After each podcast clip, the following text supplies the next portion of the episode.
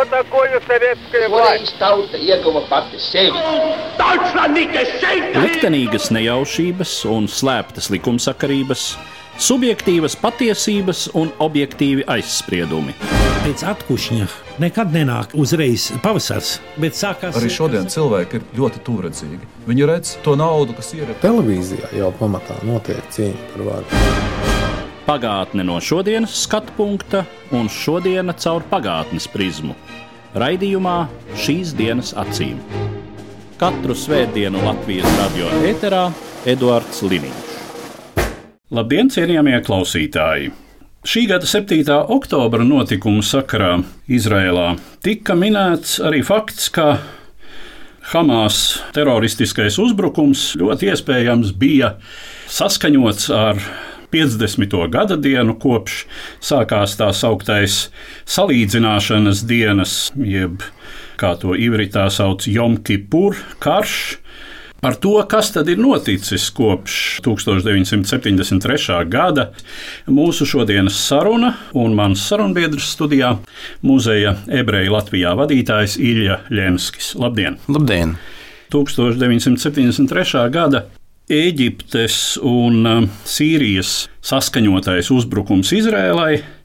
Tas ir pēdējais no četriem kariem, kurā Izraela karo ar tai līdzās esošajām valstīm. Kā zināms, sešus gadus iepriekš notika tā sauktais sešu dienu karš, kura laikā Izraels bruņotie spēki, dodot tādu preventīvu triecienu, toreiz Sīrijas, Jordānijas un Eģiptes armijām pārņēma savā kontrolē daļu šo valstu teritorijas, konkrēti Sināja pussalu, kas pieder Eģiptei, un uh, Jordānas upes rietumkrastu, kas toreiz bija Jordānijas valdījumā. Ko mēs varam teikt par šo 1973. gada karu?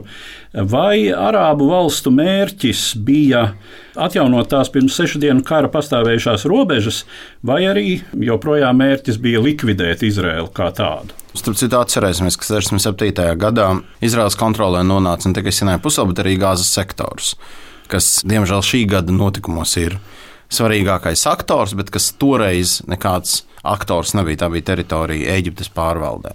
Par tiesas dienas kara mērķiem ir kopumā diezgan skaidrs, jo Arābu valstīm uz to brīdi nebija nekāda nemiera līguma, nekā ar Izrēlu. Arābu valstis skaitījās kara stāvoklī ar Izrēlu 49. gada. Tas, ko sauc par robežu, nebija robeža, bet bija tikai miera līnija. Tāpēc formāli palika mērķis Izrēlu iznīcināt, jo Arābu valstis Izraels tiesības uz pastāvēšanu neatzina. 47. gada plāns, kā dalīt Palestīnu, izveidot ebreju valsti un arābu valsti, netika īstenots. Izraela neatkarība pasludināja, bet arābu kaimiņi neatzina, un tad arī arābu valsts netika izveidota. Teritorijas, kas bija paredzētas arābu valsts izveidēji, nonāca vai nu Jordānijas vai no Eģiptes sastāvā. Un tāpēc mērķis, protams, bija iznīcināt. Izrēlu atkal ir liels jautājums par to, cik lielā mērā dažādas kaimiņu valstis vairāk vai mazāk bija ieinteresētas. Jo teiksim, tāpat Jordānija nebija noskaņota tik karavīgi kā Eģipte un Sīrija. Un arī, starp citu, padomju ietekme Jordānijā bija nesalīdzināmi mazāka, jo Eģipte un Sīrija izteikti bija padomju bloka valstis, 70. gados. Atcerēsimies, ka liela daļa valstu valdošās partijas tur sevi pozicionē kā sociālistiskās. Slavenākais piemērs ir savulaik gan Sīrijā, gan Irākā valdošā bāzes sociālistiskā partija, pie kuras piederēja Sadams Huseins. Tad, ja mēs runājam teiksim, par 70. gadiem, tur nekādu, kā tagad Hamas, teiksim, radikālo islamistu nav pat uz apvāršņa. Viņi pastāv, bet viņi nav aktuāli. Bet tie aktuālie spēki ir sekulāri, sociālistiski, komunistiski noskaņot režīmi. Tiesdienas karš bija milzīgs šoks Izraēlas sabiedrībai. It īpaši bieži vien raksta par to, ka pēc 67. gada bija iestājusies tāda eiforija, un Izraēlas sabiedrība sāk sevi uzskatīt par neuzvaramu. Un, Ka vispār mēs esam beidzot nonākuši uz kaut kāda gaišā ceļa, un ka tālāk viss būs labi. Tiesdienas karš bija šoks, un vēl joprojām paliek šoks un tieši šoku par 7 oktobra terora aktu salīdzina ar šoku pēc 73. gada uzbrukumā. Bet, nu, kā mēs zinām, karš beidzās ar to, ka Izrēlai izdevās noturēties, arī izdevās noturēties tā brīža robežās, bet notika svarīgas pārmaiņas, respektīvi sāka ar vien vairāk domāt, kā sadzīvot. Jā, mēs esam uzvarējuši, bet kā mums tālāk sadzīvot ar kaimiņiem? Un tad tam sekoja gan politiskās izmaiņas pašā Izrēlā. Svarīgākais, ka 77. gadā pie varas pirmoreiz Izraels vēsturē toreiz nāca labējā valdība, pirms tam faktiski 30 gadus vadīja sociāldemokrāti. Un, protams, tad, kad vēlāk, 79. gadā, ar Amerikas starpniecību noslēdza pirmo miera līgumu ar kaimiņu, ar spēcīgāko kaimiņu, savulaik agresīvāko kaimiņu ar Eģipti. Jūs jau arī piesaucāt Padomju Savienības klātbūtni šai procesā. Padomju Savienība ir tā, kas apbruņo Izraels kaimiņu valstis. Tieši runājot par šo vēstures posmu, varbūt nav īsti skaidrs, cik lielā mērā Padomju Savienība uztur šais valstīs tādu agresijas noskaņojumu, jo tas ir brīdis, kad starp Padomju Savienību un Savienotajām valstīm ir iestājusies tā sauktā detante, tāds attiecību uzlabojuma posms, ko reizēm pat uzskata par pārtraukumu augstajā karā kas sākas līdz ar 70. gadu pirmo pusi, vainagojas, kā zināms, ar Helsinku konferenci. Šajā karā Izraēlas bruņotie spēki, protams, ar lieliem upuriem, Karš nav ilgs, tas ir 19 dienas. Bet eh, Izraels bruņotie spēki nonāk eh, tādā diezgan jau bīstamā attālumā gan no Sīrijas galvaspilsētas, no Damaskas, gan no Eģiptes galvaspilsētas, Kairas. Un tas ir tāds kritisks brīdis, kad Padomju Savienības retorika kļūst draudoša, ka Padomju Savienība draud iejaukties tieši šajā procesā, un tad ar abu lielo spēlētāju, ar Padomju un Amerikāņu līdzdalību, tiek panākta uguns pārtraukšana. Un tad nākamie gadi, jā, līdz uh, ir šis process, kas vainagojas ar Kempa Deividas vienošanos. Man liekas, ir ļoti bīstami, un pat es teiktu, tas ir drusku konspiroloģiski. Aiz visiem notikumiem saskatīt obligāti lielu valstu spēles vai lielu valstu ietekmi. Tādā ziņā, ka gan toreizējā konfliktā vai konfliktos, ja mēs runājam par 70. un 80. gan šoreiz mums nav nekāda pamata laupīt Arābu valstīm vai organizācijām viņu aģentitāti, ja tā var teikt. Tās darbojas ar savu programmu, ar saviem uzskatiem. Galu galā gan Sīrijā, gan Eģiptei bija diezgan garš ceļš uz neatkarību, un mēs nekādā gadījumā nevaram uzskatīt, ka tās valstis ir tikai Padomju Savienības kaut kādas marionetes. Nē, tās bija valstis, kas meklēja Padomju Savienības atbalstu, un kurai Padomju Savienība sniedza atbalstu, bet tās valstis darbojās atbilstoši saviem priekšstatiem. Es domāju, tāpat arī šodienas konfliktā. Mēs varam runāt par to, cik liela ir Irānas vai arī Krievijas ietekme uz Hamas grupējumu, bet tas, ka Hamas grupējums darbojas ar savu programmu, tas nav noliedzami. Tāpēc es domāju, ka ir ļoti svarīgi nepārspīlēt šai konfliktā lielu valstu lomu. Tās atbalsta jau eksistējošos spēlētājus. Tas atbalsts arī var mainīties. Atcerēsimies, ka tā pati Eģipte, kas ilgāku laiku bija diezgan cieši saistīta ar Padomju Savienību.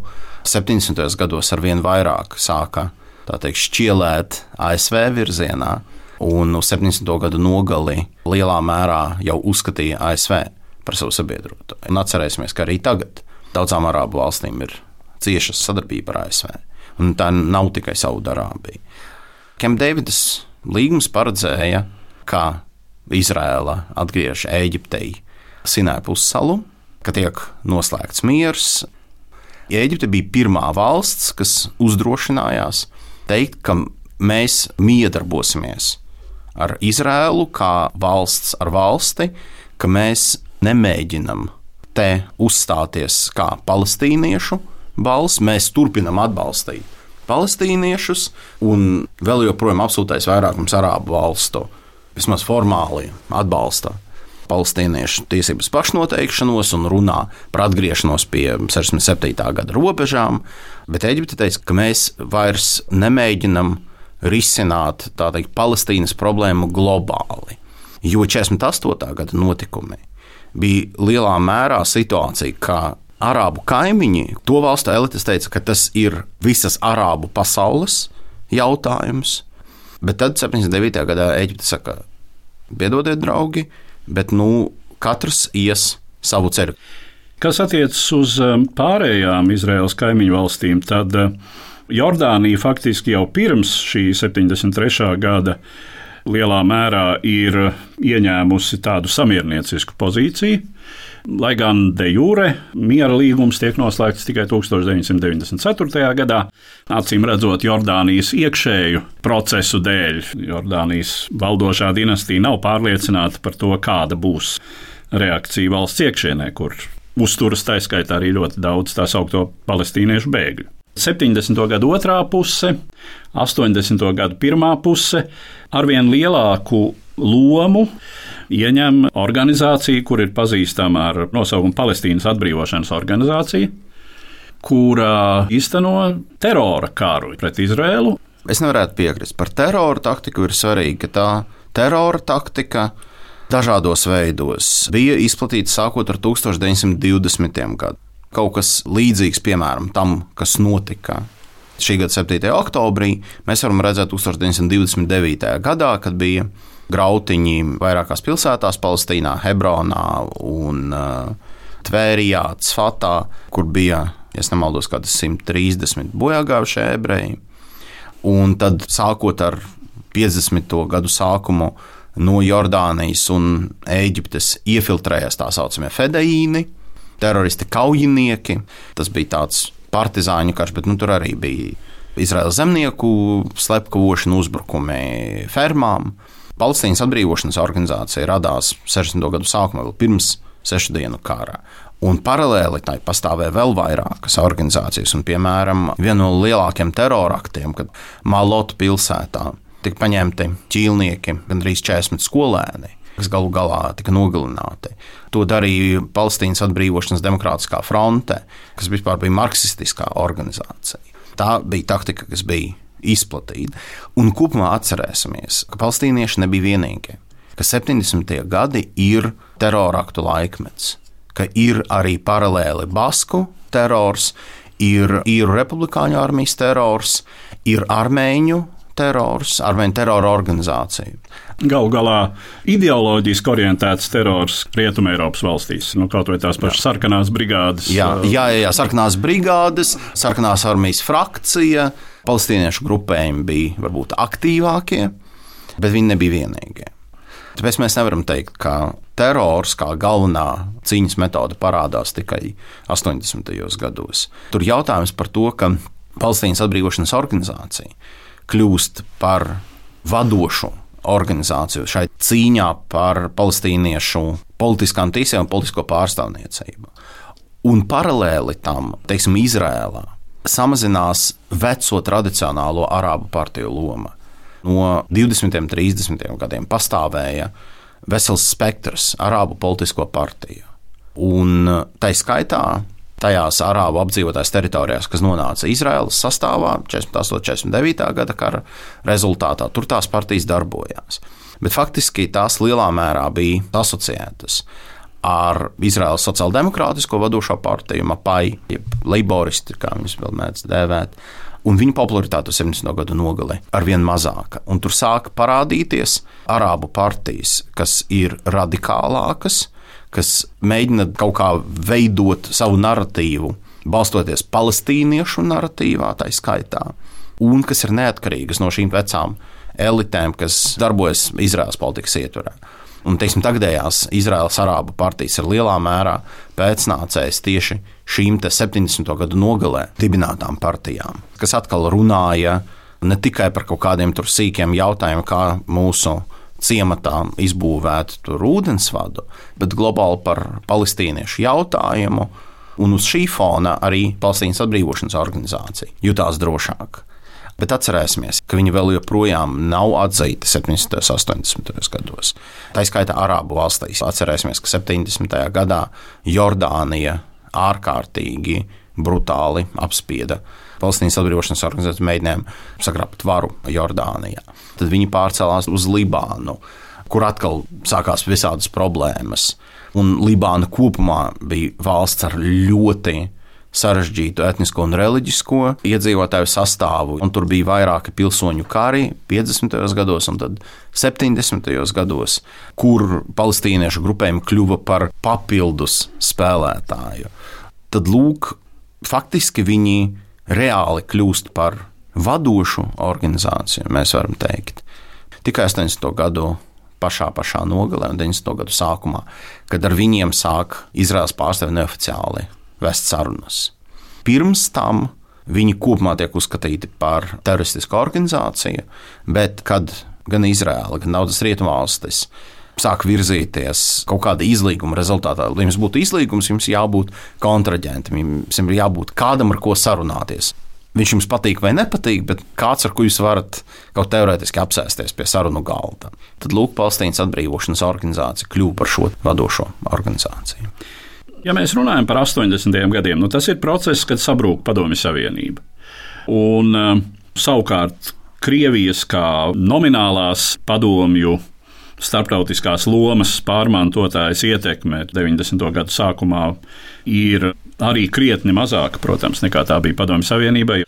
Vai tas, ka Palestīnas atbrīvošanas organizācija ir ar mieru vispār sēsties ar Izraelu pie sarunu galda?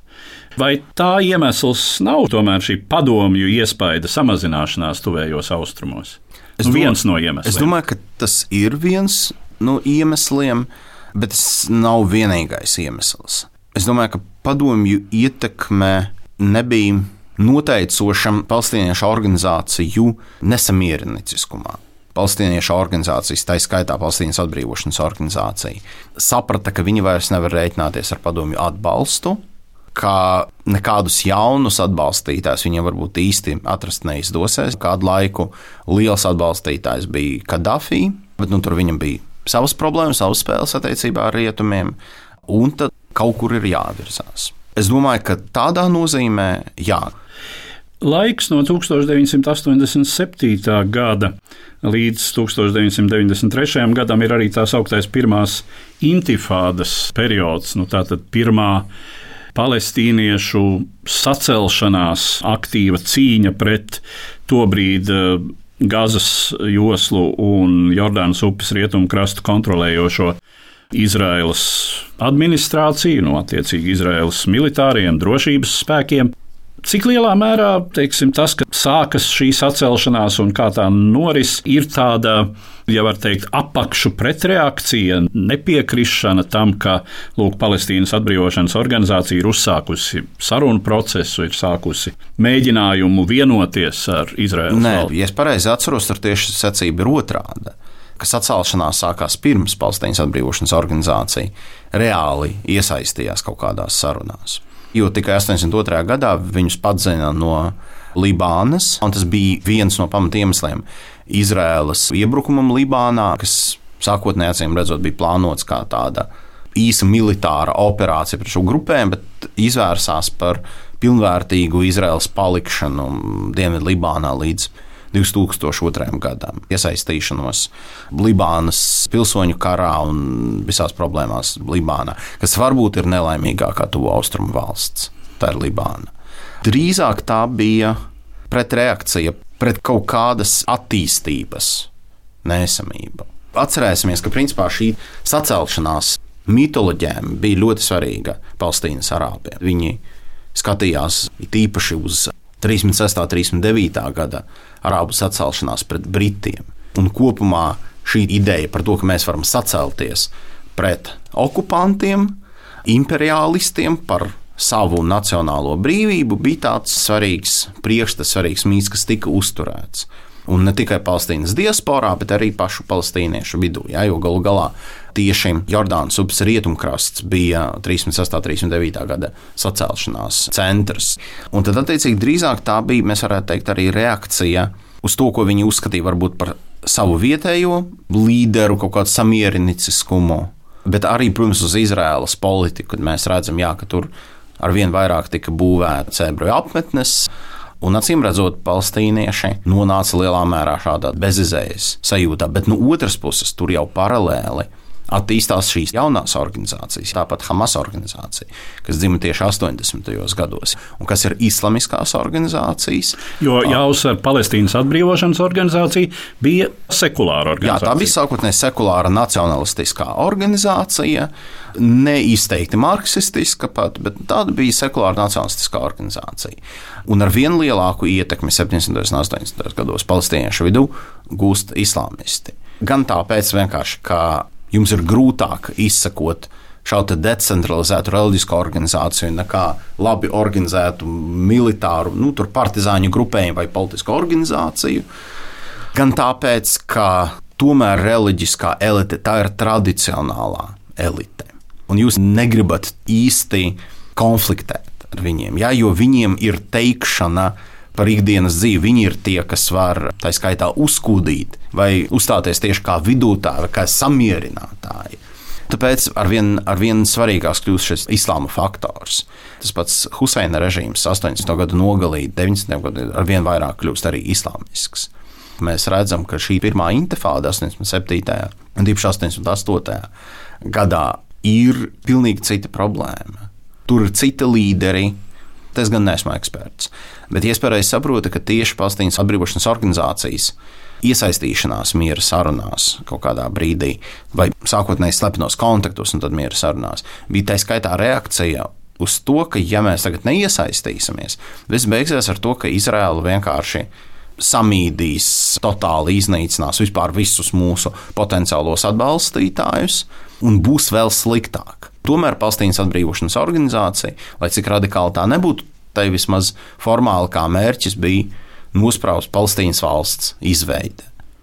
90. gada pirmajā pusē sarunu process noved pie zināmas priekšvienošanās, var teikt tā, ja mēs runājam par kaut kādu palestīniešu, palestīnas arābu jautājuma atrisinājumu. Nu, tā tad ir 1993. gada oktobrī, starp citu, tā tad arī zināma apaļa gadsimta, nu pat ir pagājusi, tiek parakstīta tā sauktā Oslo vienošanās. Atkal klātesošas ir Savienotās valstis. Un vienošanās starp Palestīnas atbrīvošanās organizāciju un Izraēlas valdību. Jasir Sarafats un Itshāks Rabīns attiecīgi ir tie, kuri paraksta šo vienošanos palestīniešiem tiek dota zināma pašpārvalde, tātad divās teritorijās. Tobrīd vēl tikai geogrāfiski šķirtās teritorijās. Viens ir zināmais Gāzes sektors, un otra ir teiksim, tas, ko reizēm sauc par palestīniešu arhipelāgu Jordānas upes rietumkrastā, proti, teritorijas, kurās vairāk vai mazāk kompakti dzīvo tieši palestīniešu iedzīvotāji, un kas savukārt ir atdalītas ar teritorijām, kuras paliek Izraēlas tiešā administratīvā kontrolē. Tās ir tādas lielākas vai mazākas atkarā no dažādām arī vienošanās saliņas, kas tur ir izkaisītas Jordānas rietumkrastā. Cik tas atbilst vienas un otras puses priekšstatiem un interesēm? Palestīnieši, es domāju, ka, ja es pareizi saprotu, liela daļa palestīniešu uzskata, ka tas ir nepietiekams risinājums. Un daudzi uzskata, ka palestīniešu kustības līderi viņus nodeva. Tas ir svarīgi. Un, ja mēs runājam arī par tagadējo konfliktu, tad visu laiku iet runa par to, ka Hamas pārmet tā saucamā Palestīnas Nacionālajā administrācijai, ka viņi ir nodevēji, ka viņi ir pārāk samiernieciski noskaņoti. Izrēlā labējie arī to nepieņēma, jo viņi uzskatīja, uz to brīdi bija jau diezgan aktīvs, varētu teikt, arī ultralabējais spārns, kas pieprasīja visādus brīnumus, ieskaitot aparteidu un ko tik nē. Lielā mērā reliģiski noskaņotas grupas. Un tad faktiski viena no šādām grupām pat Izrēlā pasludināja par teroristisko grupu un aizliedza Bet Izraels labējie nebija apmierināti, un arī liela daļa palestīniešu. Bet jautājums bija par to, ka tas tika paredzēts kā viens no etapiem, kā viens no soļiem ceļā, ka pamēģināsim, kas tagad notiks, un tad skatīsimies. Ja no drošības viedokļa šāds modelis padarīs reģionu drošāku, virzīsimies tālāk. Bija izstrādāta ceļa karte. Ļoti daudzi uzskata, ka tas viss lielā mērā turējās uz Izraels piemēra Karabina personības. Lielā mērā tas bija viņa personīgais projekts, viņa autoritāte, kas varēja tomēr mēģināt noturēt situāciju. Un ka atentāts pret viņu, viņa nogalināšana 95. gadā vienkārši padarīja visu procesu neiespējamu. Jo viņš bija vienīgais, kas varēja kaut kā izlavierēt, un varbūt teorētiski tas varētu novest pie kāda pilnvērtīga risinājuma, miermīlīga risinājuma, kad situācija nostabilizēsies, ka vienkārši Palestīnas jautājums izzustu ka būtu izveidots kaut kas, kas apmierinātu plūsmiņus vai, vai neapmierinātu nevienu, kā jūs saprotat, kompromisu ar situāciju, kas neapmierina nevienu, bet kurai abas puses ir gatavas sekot. Bet kopumā tiek uzskatīts, ka 93. gada variants Palestīnas autonomijas izveide vairāk apmierināja Izraēlas sabiedrības teikt, centrisko un kreiso spārnu. Cik tālu mazināja vai vismaz deva tādu cerību, ka mazināsies tieši vardarbība. Gan tas, gan tomēr atcerēsimies, ka Izrēlā bija un ir diezgan spēcīga kustība par mieru, kas uzskata, ka valdīšana ar dzelzceļa dūri nodara pāri arī Izraēlas sabiedrībai. Tomēr, ja mēs pastrādājam vardarbību, tas iet par sliktu mūsu sabiedrībai. Un tāpēc viņi uzskatīja, ka tomēr pēc iespējas ātrāk ir jāvirzās uz izlīgumu. Atkal tur tas ir vesels uzskatu spektrs. Bet kopumā bija tāda, ka mums kaut kādā brīdī tas ir jāizbeidz. Tāpat kā, kā jūs saprotat, arī Rietumvalstīs savulaik bija diezgan stipra kustība par dekolonizāciju. Tā nebija tikai kolonizēto tautu vai reģionu kustība, bet arī Tie bija pamatiedzīvotāji, kas uzskatīja, nē, ka kolonizācija ir netaisnīga, tā morāli nav attaisnota. Tāda pati kustība bija arī Izrēlā. Tāpēc, protams, šai kustībai, šim Izraēlas sabiedrības sektoram, kas nebūtu nebija mazs to brīdi, bet ir arvien mazāks, diemžēl, tagad. Tomēr tā arī bija liela cerība, ka lūk, mēs esam uz pareizā ceļa. Tagad galvenais ir no šī ceļa nenovirzīties. Ne? Par to, kas tad ir noticis Tālāk šajā procesā mums būs jārunā, acīm redzot, vēl kādā citā raidījumā, kas ir attīstības process jau mūsu gadsimtā. Kā zināms, tas cerīgums, kas valdīja 90. gadu vidū, tas diemžēl ap gadsimtu mīju sāka izplēnēt, jo kārtējā vienošanās, par ko tika runāts 2000. gada sarunās Kempdeividā, izrādījās neiespējama, viedokļus saskaņot izrādījās neiespējama. Viss palika šai iesaldētajā situācijā, noslēdzot sarunu par šo Izraēlas un um, palestīniešu attiecību posmu, tātad 70. gadi līdz gadsimta beigām. Un runājot par šīm vienošanās 90. gados, vai šis pirmais solis ir vērtējams kā solis pareizā virzienā? Šīs sākotnējās vienošanās. Kreisie teiktu, ka jā, labējie teiktu, ka nē, ka tā ir valsts nodevība. Ja man būtu atbilde, kas ir pareizi, kas ir nepareizi, varbūt Nobeļa prēmija piešķirtu arī man.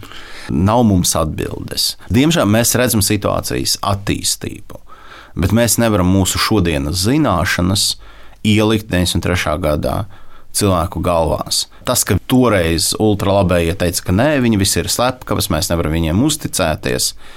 Nu, daudzi ir izrādījušies slepkavas. Daudzi ir izrādījušies slepkavas, vai tas nozīmē, ka nekāds progress toreizējos apstākļos nebija iespējams nekāds izlīgums?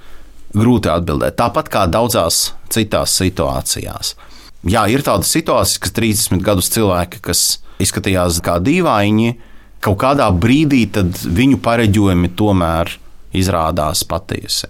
Bet cik daudz pareģojumus mēs varam norakstīt, jo tā nekad arī neīstenojās. Tad mēs vienkārši nevaram teikt, toreiz bija liela cerība un acīm redzot lielas izredzes. Kāpēc tas viss sagāja greizi, tas ir cits stāsts. Parunāsim varbūt citreiz. Jā, šo citu stāstu mēs turpināsim risināt kādā no mūsu nākamajiem raidījumiem, bet par šo sarunu es saku paldies manam sarunbiedram, muzeja ebreju Latvijā vadītājam Iljam Ļenskim. Paldies! Katru svētdienu Latvijas radio viens par pagātni sarunājas Eduards Liniņš.